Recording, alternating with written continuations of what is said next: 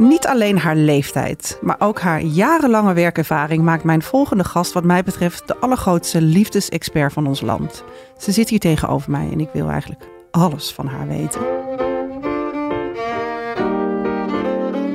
Ik kan tranen in mijn ogen krijgen als ik op mijn netvlies zie hoe mijn man, mijn stokoude moeder, die op een gegeven moment het licht uit had gedaan, dan deed ik haar onder de douche. Dan stond hij groot klaar met de handdoek of ik. En dan tilde hij op in mijn armen. Had ik een soort baby terug in mijn armen. Mhm. Maar zoveel liefde, dat, dat groeit weer nog meer liefde aan. En dat kan je niet bedenken als je 20, 30. Dat is op het moment dat je ervoor staat, ontmoet je weer diezelfde persoon Ja. die gunnend en gevend is.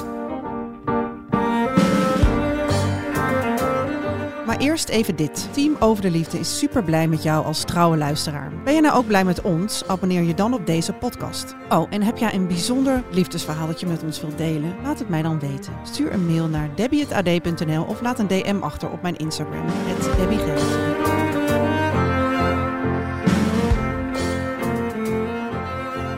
Ik heb het natuurlijk over Roefker Kamichelt. Welkom. Roefker, je bent 80 jaar en still going strong als relatie- en gezinstherapeut. Heel erg goed. Geweldig. Ehm, vorige week ehm, had ik hier te gast tegenover mij eh, Stella Bergsma. Eh, en ehm, zij vertelde dat zij al 26 jaar samen is met haar partner. En daar was ik enorm van onder de indruk. Maar jij bent nog veel langer met jou getrouwd met jouw man. 60 jaar bijna, klopt dat? Al reeds 60. Met Wat? een brief van de koning en de koningin. Echt? En een bloemetje van Femke Halsema en Wauw. het gemeentebestuur. Het is echt waar. Het bestaat nog 60 steeds. jaar, maar wat, 60 wat, heb je een mijlpaal. wat maakt jullie relatie nou zo leuk? Ja, jeetje, dat vind ik ongelooflijk moeilijk altijd uitleggen. Maar ik denk dat een van de belangrijkste ingrediënten is ehm, dat wij elkaar heel veel gunnen. Dat we heel weinig, ik noem het maar even plat Amsterdams, zeiken, zeuren over de was, de tas, de vuilnis doen wij never nooit. En als we er niet uitkwamen vroeger, dat was dan vooral in de opvoeding. Mhm. Dat ik het idee had dat ik de kinderen zeg maar, moest leren eh, rekening houden met elkaar. Bijvoorbeeld door afwastaken te doen. Nou, dat werd altijd oorlog.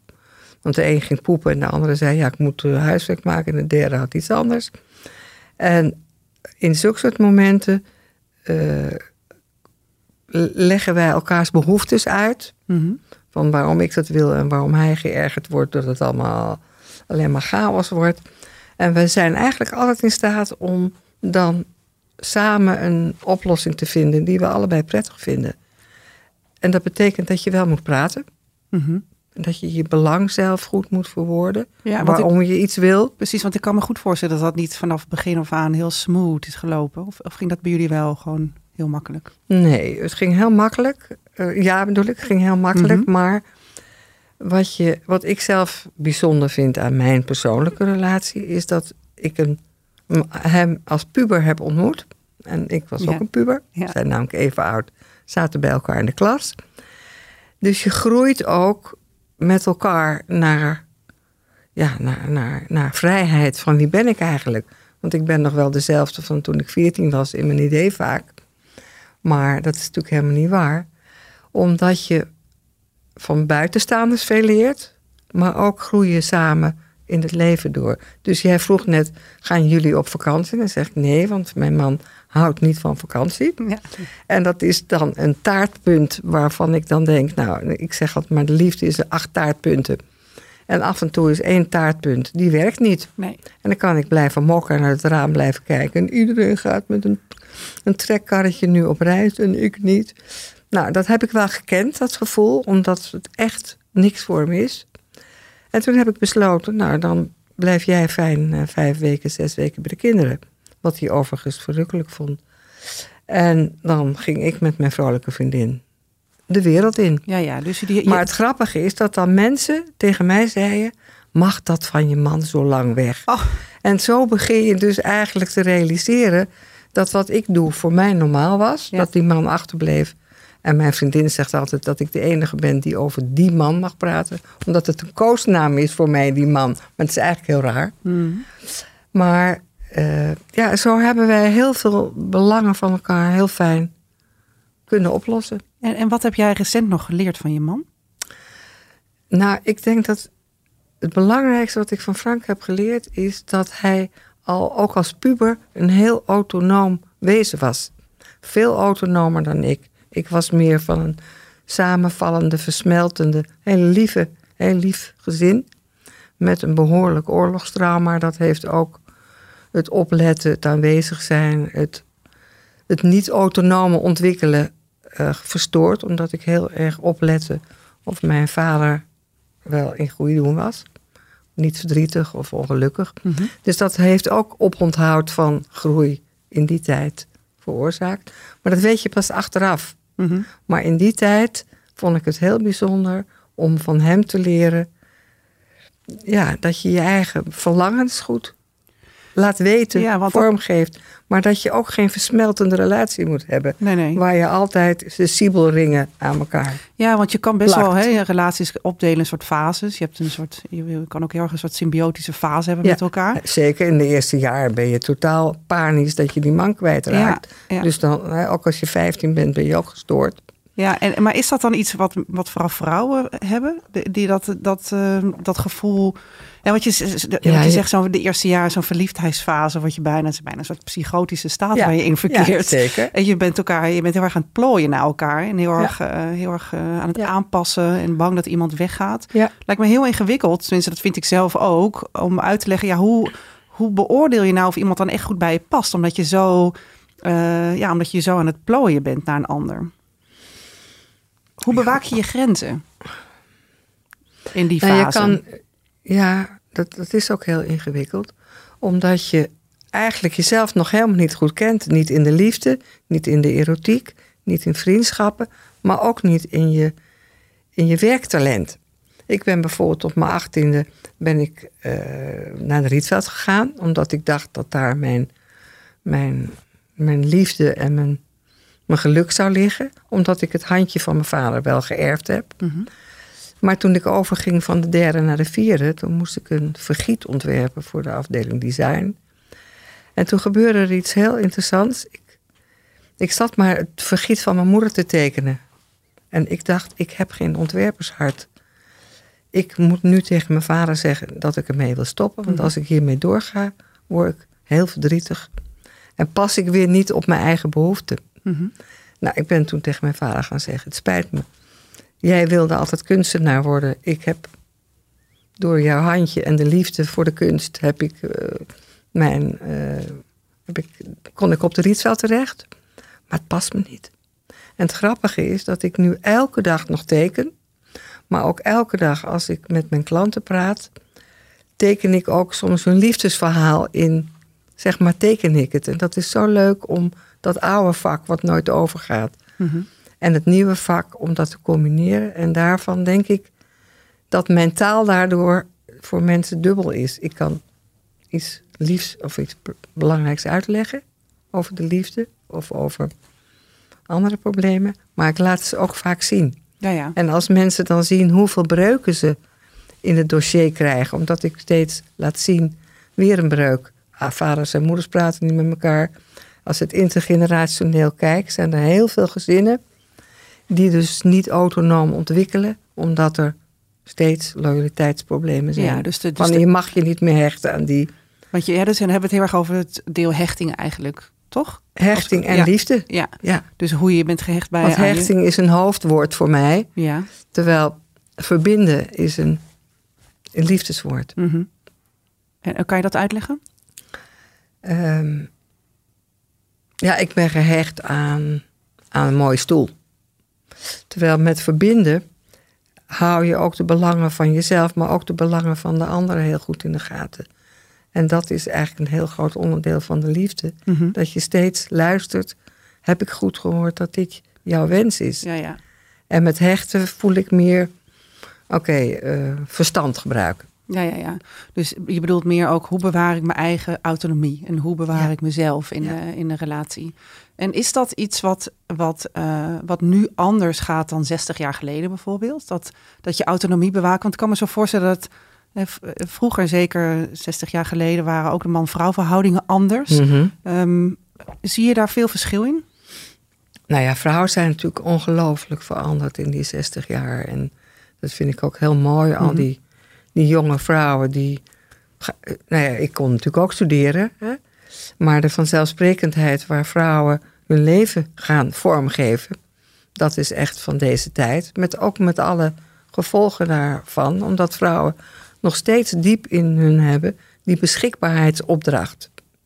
Wat iemand tegen mij, macht van je man. Nou, dat is natuurlijk een krankzinnige vraag aan iemand. Mag dat van je man? Ja, Maar het loopt altijd nog, nu met de jonge vrouwen ook altijd door. ja dat, is, dat is er nog niet uitgesleten. eh, Nee, Nee. dat is echt heel Hoe lang grappig. gaat dat duren nog, denk je?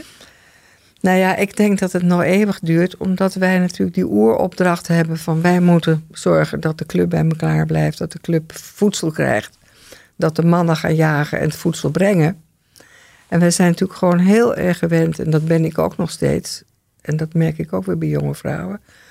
Ik weet alle verjaardagen. Mijn man zegt rustig tegen mij: eh, Goh, heb je IJs nog gesproken? En zo heet een van mijn kinderen. En dan zeg ik: Nee, ik zal hem straks even bellen. En dan denk ik: Wat grappig eigenlijk. Weer dat moment waarop hij ervan uitgaat dat ik de boel bij elkaar hou. Ja. Ja. Terwijl hij een hele boel bij elkaar houdende vader is. Ja. Een hele attente opa, een hele attente Maar is vader. dat nature of nurture? Ja, nou, ga er maar aan staan. Ja, ja. dat is wel een ingewikkelde. ja. Want je doet het ook. Dus het, Ik doe het. Ja, dus het verandert Ja. ook niet, Nee. deze verhouding. Nee. Interessant. dat hoort toch bij vrouwenbreinen. Ja, Want vrouwen die eigenen zich ook toe dat ze alles in de gaten houden. ja, En alles weten. ja dus Wat ook vaak zo is natuurlijk. dat is ook vaak zo. Ja. Maar ik, ja, ik denk ook omdat er dat, het hele multitasken wat beter in, eh, in een vrouwelijk brein Ja. zit, toch? Ja. Straks praat ik met Roefke verder over de liefde. Eh, maar misschien heb jij als luisteraar wel een prangende vraag. Ik zou zeggen, hou je dan niet in. Stuur een bericht naar debbie.ad.nl of eh, een DM op Instagram naar @debbiegerritsen. De luisteraarsvraag. Mijn man en ik hebben een goed huwelijk, al is ons seksleven behoorlijk ingedut. Ik heb gewoon vaak geen zin. Maar tegelijkertijd ben ik bang dat hij het buiten de deur gaat zoeken. Wat moet ik doen? Ja, dat is een hele bekende problematiek in de praktijk. Dat, maar ook daar zit natuurlijk weer de verwarring. Dat heel veel vrouwen nog steeds denken dat een man alleen maar op orgasme uit is. Mhm. Wat een groot misverstand is. Want de meeste mannen houden juist van vastgehouden worden, knuffelen, petting, elkaar voelen, ruiken. Maar die hoeven niet altijd zeg maar, de weg van de orgasme Hoe, route af te maken. hoe komen wij aan dit beeld? Ja, dat komt, ik zeg altijd me heel onaardig. Dat komt van de libellen en de magriet. Want ja, dat is een beetje flauw om dat nu hard Ja, te ik heb bij. Viva gewerkt. Ik voel me helemaal schuldig nu. Maar Als journalist, ja. Maar kijk, ik kom natuurlijk uit een tijd dat eh, mijn moeder zei tegen mij... ga even naar de Utrechtse straat. Dan ga je aan meneer Van Hemert vragen of hij een pak maandverband... oranje neva voor je heeft. Want ik was net gaan menstrueren. En ik vroeg dat aan die man, een pak neva oranje. En die man keek zo om zich heen van... Jezus, ze zegt hardop haar behoefte. Hè? Nou, dan krijg je dus op alle fronten krijg je weer... Oh jee, daar hebben we het niet over. Nou, ja, ja, ja. heel veel jonge vrouwen... die hebben nog steeds het idee... dat als ze niet hun man laten klaarkomen... dat ze zich maar, zeg maar moeten opofferen. ja. En dat is een heel naar gevoel om opofferend te vrijen. Ja. Dus En de als je dat is vaak veel op, op, op orgasmes gestuurd Ja, eigenlijk. ja. Bij ons allemaal. En heel veel mannen vinden het heel tegenwoordig ook heel ingewikkeld, want die vinden het heel heerlijk, en dat is heel terecht, dat vrouwen voor hun lust en hun erotiek en hun geilheid opkomen. Mhm. Maar tegelijkertijd vinden ze het soms heel ingewikkeld, want zij zijn gewend dat zij de veroveraars zijn. Ja, ja. En dan is het grappig, ze wensen zo'n lustige vrouw. Maar als die vrouw dan inderdaad actief is, dan hebben ze iets van: oh, nou. Ja. Nee, dat is eh, heel herkenbaar. Ik weet niet hoe dat moet. Ja, Ja, ja, ik heb dat wel eens vroeger meegemaakt. Van, ja, ze vinden, mannen vinden het heel leuk dat je een soort... dat je een wilde, ja, vrijgevochten Ja. vrouw bent. En oh, Ja. ik rij ook motors. Dan kwam ik aanrijden op de motor. Vond ze allemaal geweldig. Totdat je eenmaal... En dan, hè, totdat ze me eenmaal Hadden. hadden. En dan moet, je, dan moet het wel allemaal wat rusten. Want dan is dat hele vrijgevochtene heel, heel overweldigend voor veel Ja. mannen. Nou, en wat ik dan altijd aanraad is: probeer nou die, die, je gezicht, je handen, je oren, je borst, eventueel tot je borsten of anders zonder je borsten. Ga weer eens opnieuw vrijen.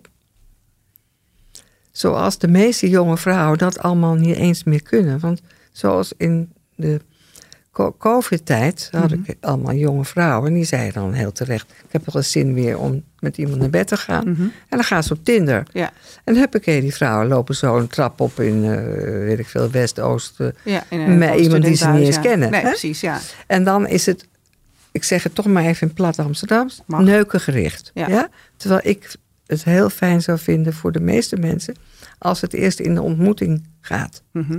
Dus als jij zegt van nou, het is een beetje zoeken bij ons, dan zou mijn advies zijn: probeer eerst je ogen, je handen, je mond, je bovenkant van je Ja. lichaam. Probeer echt te voelen. Ga eigenlijk. eerst weer eens in zijn ogen kijken Ja, ja. En, vert- en vertel hoe leuk je me vindt.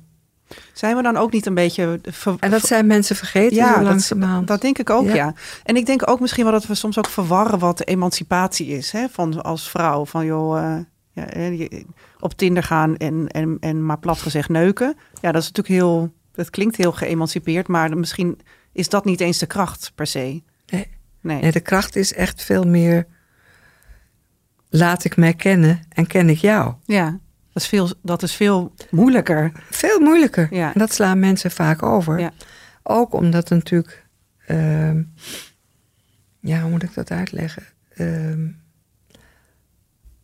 mannen die hebben het geluk dat hun geslachtsdeel zeer op. Vroeger, ik had vier zonen, of heb vier zonen. En dan waren we op vakantie en dan liepen ze allemaal in een blote kont. Maar dan liepen altijd de hele dag met dat ding in hun hand. en dan zei ik wel eens tegen ze: jongens, zullen we eens even een onderbroekendag doen? Want dan paraderen ze de hele dag met. En die dochters die eh, wisten waarschijnlijk ook wel hoe prettig hun lustorgaan was. Maar die doen het veel bescheidener. Mhm. hè? Jongens zijn trots vanaf dat ze geboren zijn. Kijk mij eens even Ja. met dat Nee, leuke je ding. ziet het ook, Ja? je kan hem ook zien. Dus het is ook En een je vergelijkend dus het is bravo, Ja, ja? Terwijl wij, toen ik weet nog wel dat hoe mijn eerste woede op de reclame was, dat op de televisie voortdurend waren van die boodschappen, mevrouw, we hebben een heerlijke spray voor u ontworpen voor uw vagina, Oh want dan raakt u zo lekker. En dat ik dacht, god voor de god, wat voor boodschap krijg ik nu eigenlijk op mijn achttiende Ja. binnen, ja? Wat goed dat je daar zo Nog kwaad over nooit van een man gehoord, maar Nee. dat kwam ik, werd ik zo narig van. Ja, heel goed. Het is er nog steeds, hè, weet Het je is- dat? maar, ja, Want de Ja. grote familie de Kardashians, ik weet niet eh, of je daarmee bekend bent. Ja. Een van die de dames heeft de vagina gummies bedacht en daar heeft ze, verdient ze heel veel geld mee. Ik geloof het zo. Met, eh, ja, met de boodschap, ja, want dan smaakt hij zo lekker. En dan ruikt hij zo lekker. Ja, het is echt ongelooflijk. Ja. Ja. Maar je zal al die boodschappen als 14-jarige Ja. maar krijgen. Nou, die boodschappen heb ik niet gehad. Ik was nog vrij onnozel eh, op, dat gebied. En dat vind ik zo fijn van onze liefde. Wij hebben samen de liefde op alle fronten ontdekt. Ja, van jou en je man. Jullie zijn echt samen opgegaan. Echt, we zijn samen opgegroeid. We hebben samen ons vak eh, liefde ontdekt. Of het mislukken van een vak. Het, we hebben allebei de liefde voor onze ouders, die heel groot was, ook ontdekt. En dat bedoelde ik met dat gunnen.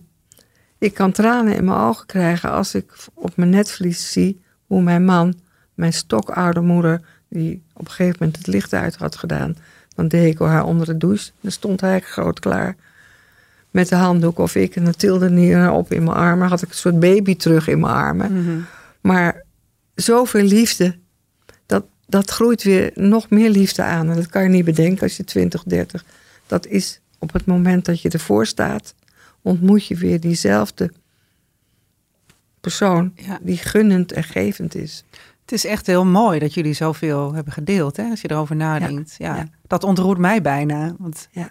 Dat vind ik ook heel gelukkig ja, het is, zo, eh, het is zo, zo, ik bedoel, ik zeg altijd, het is heel knap, maar het is ook echt...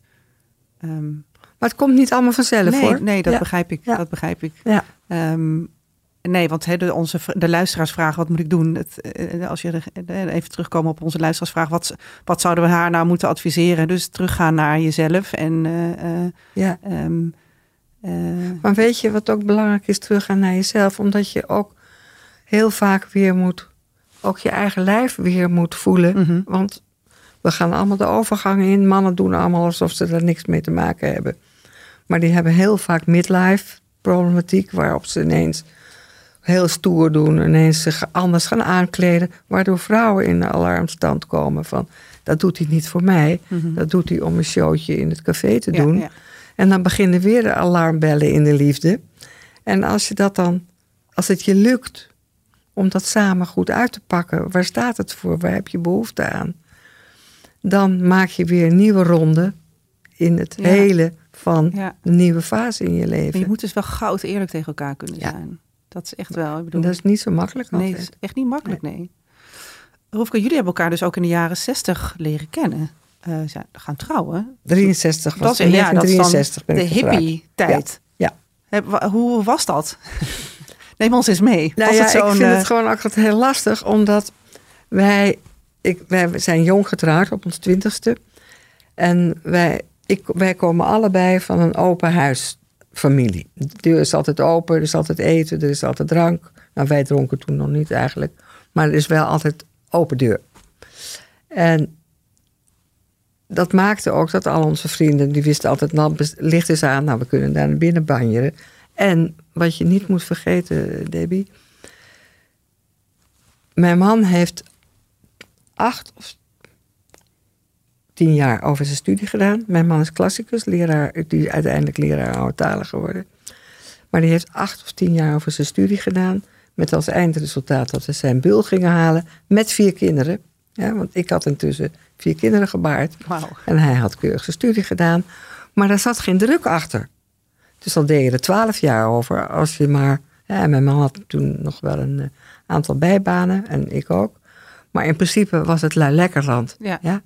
Want er zat vrije tijd, ge- ja, ja. heel veel vrije tijd. Je ging naar college. En daarna ging je dansen bij Jansen. Of Ja. met je vrienden van alles doen. Maar toen heb ik, hebben wij al heel jong ontdekt.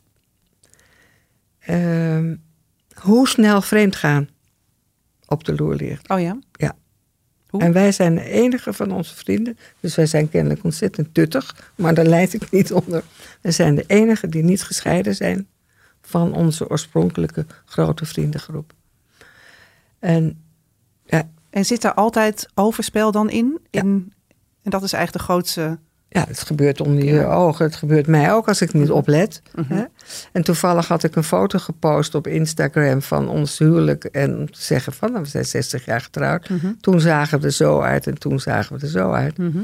En de meeste mensen die die foto hebben gezien, die zeggen van... Jeetje, wat was je een mooi meisje. Ik wist best dat ik een heel mooi meisje was toen. Maar op de een of andere manier hebben wij, zonder dat we het heel uitgebreid zouden kunnen verwoorden hoe dat werkt, toch altijd die grens kunnen bewaken. Ja, ja. En ik ging wel dansen bij Jansen en ik ging naar filmavonden met vrienden Mhm. en ging in mijn eentje heel veel weg. Ik kan niet uitleggen Maar jullie hebben elkaar dus ook heel vrijgelaten. Ja. En, Ja. Maar zijn er, hebben jullie ook wel afspraken erover gemaakt? Van nou, nee. Nee. Dus Nee. het is gewoon gegaan Nee, zoals het het is is- gegaan. En dat Ik wil het ook gewoon niet. Nee. Nee. Maar goed, in die tijd was het natuurlijk wel eh, was het heel normaal. Ja. Normaal, ja, Ja. open relaties. En dat zeg ik ook omdat nu, de tijd van nu, zie ik... eh, en ik word veel in de podcast, dus ik ben geen expert. want Jij bent dat Mhm. wel. Maar ik zie dat de open relatie en de polyamorie best wel terug is. Een soort trend. Zie je dat ook? Enorm. Ja. Ja. Hoe komt dat, denk jij? Alles kan. En het is ook een generatiestijl. En het is ook een generatie geur op dit moment. Dat alles mogelijk is. Mhm. En dus dan wil je steeds meer. En daar gaan ook heel veel ruzies over. Omdat heel veel mensen het moeilijk vinden om beperkingen te accepteren in Ja, de liefde. Ja, oh ja, gaan dat, hoor je dat veel terug in Ja. jouw praktijk? En, en wat bedoel je dan? Dat er eh, beperkingen accepteren? Nou ja, zo, kijk. eh, polyamorie is natuurlijk een apart hoofdstuk. Want daar moet je de spelregels van kennen. Daar moet je het samen heel goed uitgevochten hebben en uitgezocht hebben. Wat jouw behoefte is, wat zijn behoeften zijn. En tot welke grens. Maar in principe zijn ze, zij het hoofdpaar. Ja. Met daarna mag je gewoon uit logeren gaan, noem Ja, ik altijd ja, maar. Hè? Maar het is niet de bedoeling dat dat verhoudingen worden. Nee. Maar vaak zijn dat hele mooie voorbeelden van een goed voornemen. Maar je hart heb je niet onder controle. Dus als Marie of Piet toch op een andere laag in je hart komt, dan begint de ellende Ja. van toch vreemd gaan of liegen en bedriegen. Dan stappen ze uit het oorspronkelijke model. Ja. En dan komt de geheim, komen toch de geheimen. En een open relatie, is dat anders dan polyamorie? Een open relatie is ook, ik hoef niet te weten wat je doet. Mhm. Ik hoef niet te weten waar en met wie. En zie je Heb maar. veel plezier, Ja, ja. maar breng het niet in huis. Ja. En dat werkt vaak heel goed. Oh ja? Want je hoeft het niet te weten. Nee. Want dan kan je, word je ook niet beschadigd. Nee. Dus je gaat ook niet uitzoeken, maar wat vind je nou zo lekker met die? Of wat is zo eh, prettig met die? Of welke geilheid durf je Mhm. daar wel te laten zien? In principe is het de bedoeling, dat doe je daar, maar ik hoef het niet met je te delen. Nee. Ik vind het heel Dus mooi. hè, jaloezie echt. komt dan ook niet eh, Nee, nee. eh, zo eh, Nee. hartstochtelijk angstig om de hoek. Nee, nee, dat is waar. Ik vind het echt wel mooi. Ik bedoel, ik weet niet of het een goede ontwikkeling is, kan ik echt helemaal niet zeggen. Maar wat me wel opvalt hieraan is dat, dat het toch, en dat zie ik ook heel veel terugkomen, we hebben het toch heel erg over seks. Seks, seks, seks. Ja. Het is ook deze open relatievormen en de polyamorie. Ja, het gaat dus niet meer om verbinden, feitelijk. Want het gaat dus om seks. Dat vind ik, dat, dat tekent ook deze tijd, hè? Zeker. Vind je niet? Ja. Ja, hoe, hoe zit dat? Hoe komt dat? Nou ja, kijk, alles is op dit moment ma- maakbaar. En ik had het met, met Harmke ook over. Dat ik het bijvoorbeeld heel droevig vind dat heel veel jonge vrouwen die 38 of 36 zijn, die geen partner hebben, maar wel geld, Mhm. die laten hun eieren rapen. Mhm. Maar de jonge meisjes van West, die hetzelfde hebben, maar geen geld, die moeten op een gegeven moment, ja, ik kan geen kinderen krijgen. Nee. Dus ik zou het heel mooi vinden als het. Want de maakbaarheid, die komt elke dag op mijn pad. Ja. Ja? Dat ik denk. En ook op dit gebied is de maakbaarheid zo een enorme vlucht genomen. Mhm. Want als je geen kinderen lukt eh, binnen een jaar, dan zijn er overal fabrieken die een ei leveren, die een zaad leveren, die enzovoort. Alles is in een levermodel. Mhm. Zeg het even heel onaardig, Mhm, mhm. maar zo beleef ik het soms wel eens. Ja. Dat ik denk, je kan bijna overal alles verkopen. Maar is dat nou goed of slecht? Ja, daar ga ik niet over. Nee. Maar ja, dat is echt een dat vra- vraag me echt af. Want ergens denk ik, ja, het is ook goed dat, je, dat vrouwen langer kunnen werken. Dat ze ook wat, hè, dat ze wat minder snel de, de, de kinderkeuze hebben. Dus ergens vind ik het mooi dat, dat dat ook een beetje opgerekt wordt. Aan de andere kant, ja, het is inderdaad hartstikke maakbaar. Dus ja, er zitten ook natuurlijk heel veel negatieve kanten aan. Ja, en vrouwen moeten het ook allemaal oplossen. Ja, dat klopt. Ja, Ja, want als ik, heel grappig, ik plaag mannen wel eens, eh, nou plagen, ik ben heel streng. Als ik erachter kom dat iemand verleid is door een hele jonge part- partner die nog, waarvan ik aan mijn water voel, en ik heb een hele rare intuïtie. Morgen wipt er een kind in. Mhm. Maar dan bespreek ik heel vaak met mannen dat ze er toch echt wel een knoop in moeten leggen. Maar dat verdommen ze. oh ja? De meeste mannen zijn zo bang om dat definitieve besluit te nemen. Maar wij zijn gewend, weer die vrouwen en die mannenrol. Wij zijn gewend dat er tegen ons gezegd wordt: ja, op je veertigste ben je eigenlijk afgeschaft. Ja. ben je niet meer nuttig? Zoek ik een leuke jongen met eieren. Ja? Nee, maar dat is gewoon zo al ingebed. Ja. Dat je al weet, ja, op je veertigste dan hoor je, ga je de overgang in. Nou, krijg je allemaal die kwalen. Ja. Ja, krijg je allemaal kwalen. ja. Nou, onzin verhalen. Je kan heel goed met de overgang Is dat omgaan. zo? Want ik ben dus net de 40 gepasseerd. Dus ik voel deze, deze beschrijvingen voel ik allemaal. En heb ik de Ja? laatste jaren enorm gevoeld. Ja. Ja, zo van En nou, wat krijg je dan voor boodschap van Nou. dat afgedankte? Ja. Oh. Ja, nou ja, misschien is het ook iets wat ik mezelf aanpraat. Nee, dat hè? Dus in- dat weet ja. ik niet zo goed. Ik weet niet of, of mensen dat nou... eh, Dat heeft niemand letterlijk tegen mij gezegd. Natuurlijk niet. Maar het- je weet wel dat de jeugd is, daar is de, en ik vind ook trouwens de focus op jeugd wordt steeds erger. Want vroeger vonden wij, eh, ik zeg het wel eens, eh, Madonna is nu niet misschien het allerbeste voorbeeld op dit moment. Maar zij brak door, Tina Turner, op de veertigste. Als je nu 40 bent, dan ben je gewoon oud. Ja. Terwijl we Ja. worden steeds ouder, maar we verleggen ook heel erg de focus op naar jong. Het moet steeds jonger Ja. bijna. En dat vind ik, eh, daarom, de- ja, daarom Alles is het moet lastig. jonger. Alles moet ik was jonger. gisteren was ik op een boekpresentatie van Isa Hoes.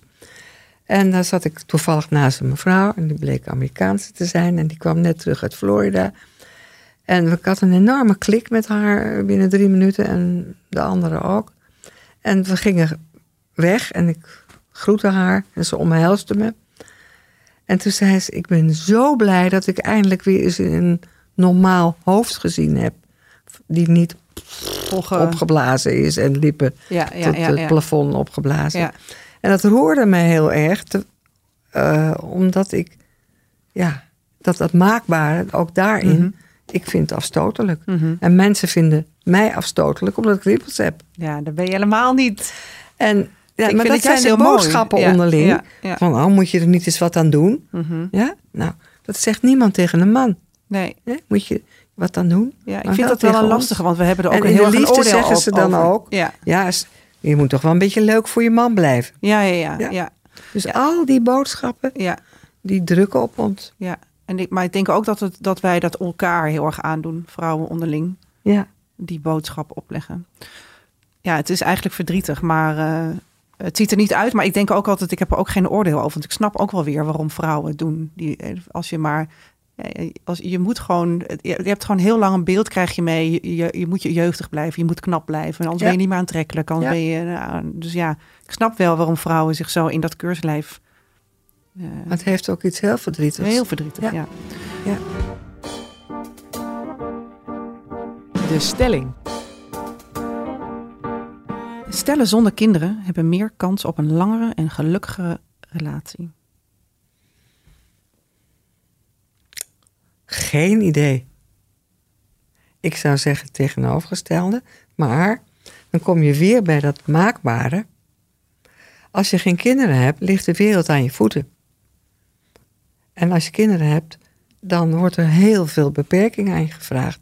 En een van de dingen die mij verrast in de praktijk, bijna elke dag, hoeveel jonge mensen niet kunnen verdragen dat je op moet schuiven voor de belangen van de ander. Ja, dus eigenlijk waar we net ook over hadden. Ja, Ja. dat is echt een Ze willen echt nu. alles. Ja, En daar ontstaat dus heel veel ruzie over. En als je dus geen kinderen hebt, dan kan je nemen wat je wilt. ja. ja Maar dus, we, dus we zijn kinderen eigenlijk een is beetje... echt opofferen. Ja, maar ja, het is ook, het kan ook, het is ook heel leuk. Oh, het is het leukste wat er is. Ja, ik- wat ja. mij betreft. Ja.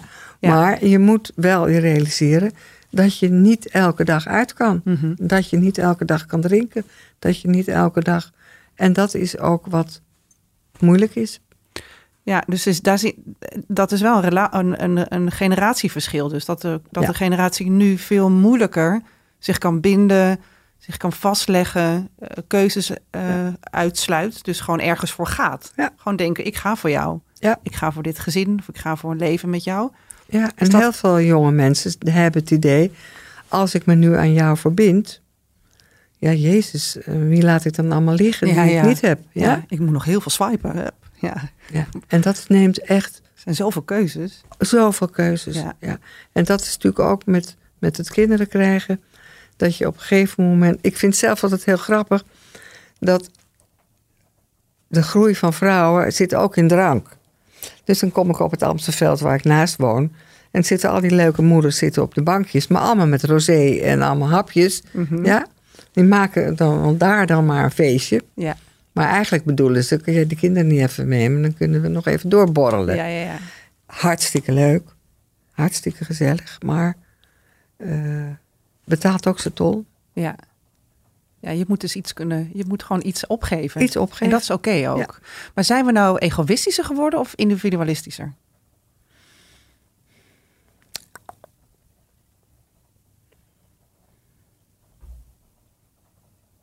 Ik denk dat we weinig, dat we egoïstischer zijn geworden. Mhm. Dat er weinig nog geleerd wordt, eh, als aan kinderen ook, om te, om te delen. Wat ik zelf heel grappig vind, waar, waar ik me aan erger, is dat als ik op de stoep zit, ik woon op een gracht, zit ik op de stoep als het mooi weer is. En dat is hartstikke gezellig, want dan loopt de hele buurt uit. Nou, dat is leuk. Hou ik even pauze. En dan valt mij op, en s morgens en s middags, alle kinderen zitten in bakfietsen of in een, fiets, of in een fietsstoeltje. Mhm. Bijna geen kind loopt meer op straat Mhm. Pulkt bij een boom van hé, hey, ik heb een mier. Hé, hey, eh, Ja, dit is dat voor vlinder? Of ik wil gewoon op mijn eigen tempo lopen. Ja, ja. ja. Alles is snel, met elkaar, Mhm. tempo. En ook nog die rottempo van die bakfietsen. En die snelfietsen. Ik vind dat heel jammer voor kinderen. Want zo leer je ook niet het begin van de autonomie. Nee mama, ik heb even behoefte om bij die mier te blijven. En dan moet die moeder even wachten. Of vertellen hoe mieren in elkaar zitten. Ja. Ja? Het is racen, racen, racen. ja. Dus we moeten eigenlijk gaan leren vertragen. Ja. Want dat helpt Maar ons het klinkt allemaal. zo tachtig Oh ja? als ik dit vertel. het klinkt als een verademing. Echt waar? ja, het lijkt me heerlijk. Maar ja, ik denk ook dat we toch ook heel erg... Ja, dat we in een soort mal ik zeg worden het klinkt als geduwd. 80 en jij zegt het klinkt als een verademing. Ja. Nee, vind ik echt. Want ik denk dat veel mensen er behoefte aan hebben, hoor. Aan vertragen. Oh, absoluut. En aan, Ja. eh, aan, aan niet meer mee hoeven doen. En niet Ja. continu met Ja. op tijd en, en, en in social media meevolgen. Eh, Tot slot, hè. Ik heb eigenlijk een, een, een vraag misschien. Is die voor de luisteraar ook interessant? Maar ik wil het heel graag van jou weten, want je bent er nu toch. Jij bent de queen. Dus ik wil graag weten. Ik, heb, ik ben dolgelukkig met mijn vriend. Ik wil nog jaren samen blijven. Ben je ook moeder? Nee, nee dat is niet, ge- niet gebeurd. Ehm, wat is nou een gouden tip voor een, voor een lange, durige relatie? Wat, zou je nou, wat, ge- wat geef jij jou, wat, jouw cliënten mee? En wat Nou, zou je wat mij ik- meegeven? Ja, wat, wat ik het allerleukste en mooiste moment in de therapie is het begin. Mhm. Ik, als ik een echtpaar heb, interview ik ze om de beurt waar ze vandaan komen. Hoe ze met hun ouders omgaan, hoe ze met geheimen of geschiedenissen of pijn in het gezin van herkomst, hoe ze, de- hoe ze gezien zijn, of ze erkenning gekregen hebben voor hun hulpvaardigheid. Want alle kinderen zijn ontzettend hulpvaardig. Die houden heel jong in de gaten hoe het thuis is. En die, ja, die pakken heel veel door ouders eh, als er gaten vallen. Door ziekte, door verdriet, door Ja, verslaving, door van alles. Kinderen letten heel erg op hun ouders. En als je als kind erkenning krijgt van...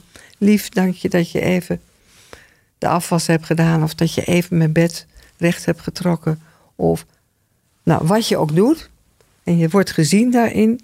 dan groeit de hulpvaardigheid in een kind. Mhm. Sommige ouders zeggen: Hé, ga uit mijn wijk, bemoei er niet mee, donder op. Mhm. En dan denkt een kind: Ik zag dat er nood was, maar het mag niet bestaan. Mhm. En als je dus erkenning krijgt, en ik kom erachter in dat interview dat er een miskend kind in mijn kamer zit, die nog nooit dankbaarheid of een warm hart heeft gekregen, dan weet je al hoe moeilijk deze vrouw de liefde van die man zal ontvangen. Want dat is op je hoede blijven. Mhm. En als me dat in de therapie lukt, het achterstallig onderhoud in het gezin van herkomst te repareren. Had bijvoorbeeld laatst iemand, een ontzettend leuke man. En dan raak ik dan ook echt dol op op zo'n man. En aan het eind van het gesprek zei ik tegen hem: Ik heb het gevoel dat je ouders je niet onthouden. Toen zei hij: Oh, dat vind ik een zo'n mooie. Ik ga ze opbellen en dan ga ik zeggen: Ik voel me zo vaak niet onthouden. Mm.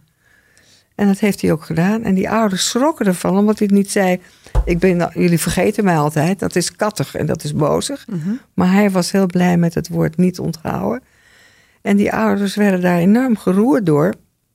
En die zijn nu steeds bezig hem te laten weten: Ja, we hebben je onthouden. Dus die bellen op: God, hoe was het nou met die puntje, ja. puntje? Ja, ja. En dan groeit het gat wat vroeger ontstaan is, heelt dan in het nu. ja, En dan gaat hij ook weer een andere partnerkeuze maken. ja. Dus eigenlijk is de boodschap, Dus met de boodschap. rommel op van vroeger. Ja, en, en ik, vind, ik vind familie nooit rommel. Nee, maar ik bedoel... Ja, nee, maar het is waar, want dat corrigeer ik altijd meteen. Ja. Maar ga terug daar waar nog te helen valt. En ook als ouders niet meer leven, kan je ook nog helen. Maar alles wat er in het verleden kwetsbaar is, moet je meenemen in een huwelijk. Want dan snapt een partner veel beter waarom je op bepaalde punten zo kwetsbaar bent. Ja, precies. En daar kan je dan weer met elkaar rekening mee houden. En ja, en dan groeit dat weer Nou, en bloeit het. mooi. En dat is wat wij samen als, nou ja, al 65 jaar uitvinden. Maar ook met onze kinderen Ja. moet je ook verhuren. Dus net was ik heel op, was een beetje opgefokt, zenuwachtig. Omdat we al vanaf acht uur op die telefoon voor die kleindochter wachten. Maar ja, kinderen en kleinkinderen zijn onze, het grootste kapitaal. Leuk dat je luisterde naar Over de Liefde. Heb jij nou een prangende vraag over de liefde, seks of relaties? Laat het mij dan weten. Stuur een DM op mijn Instagram of mail naar debbie.ad.nl. Oh, en vergeet niet om je te abonneren op deze podcast.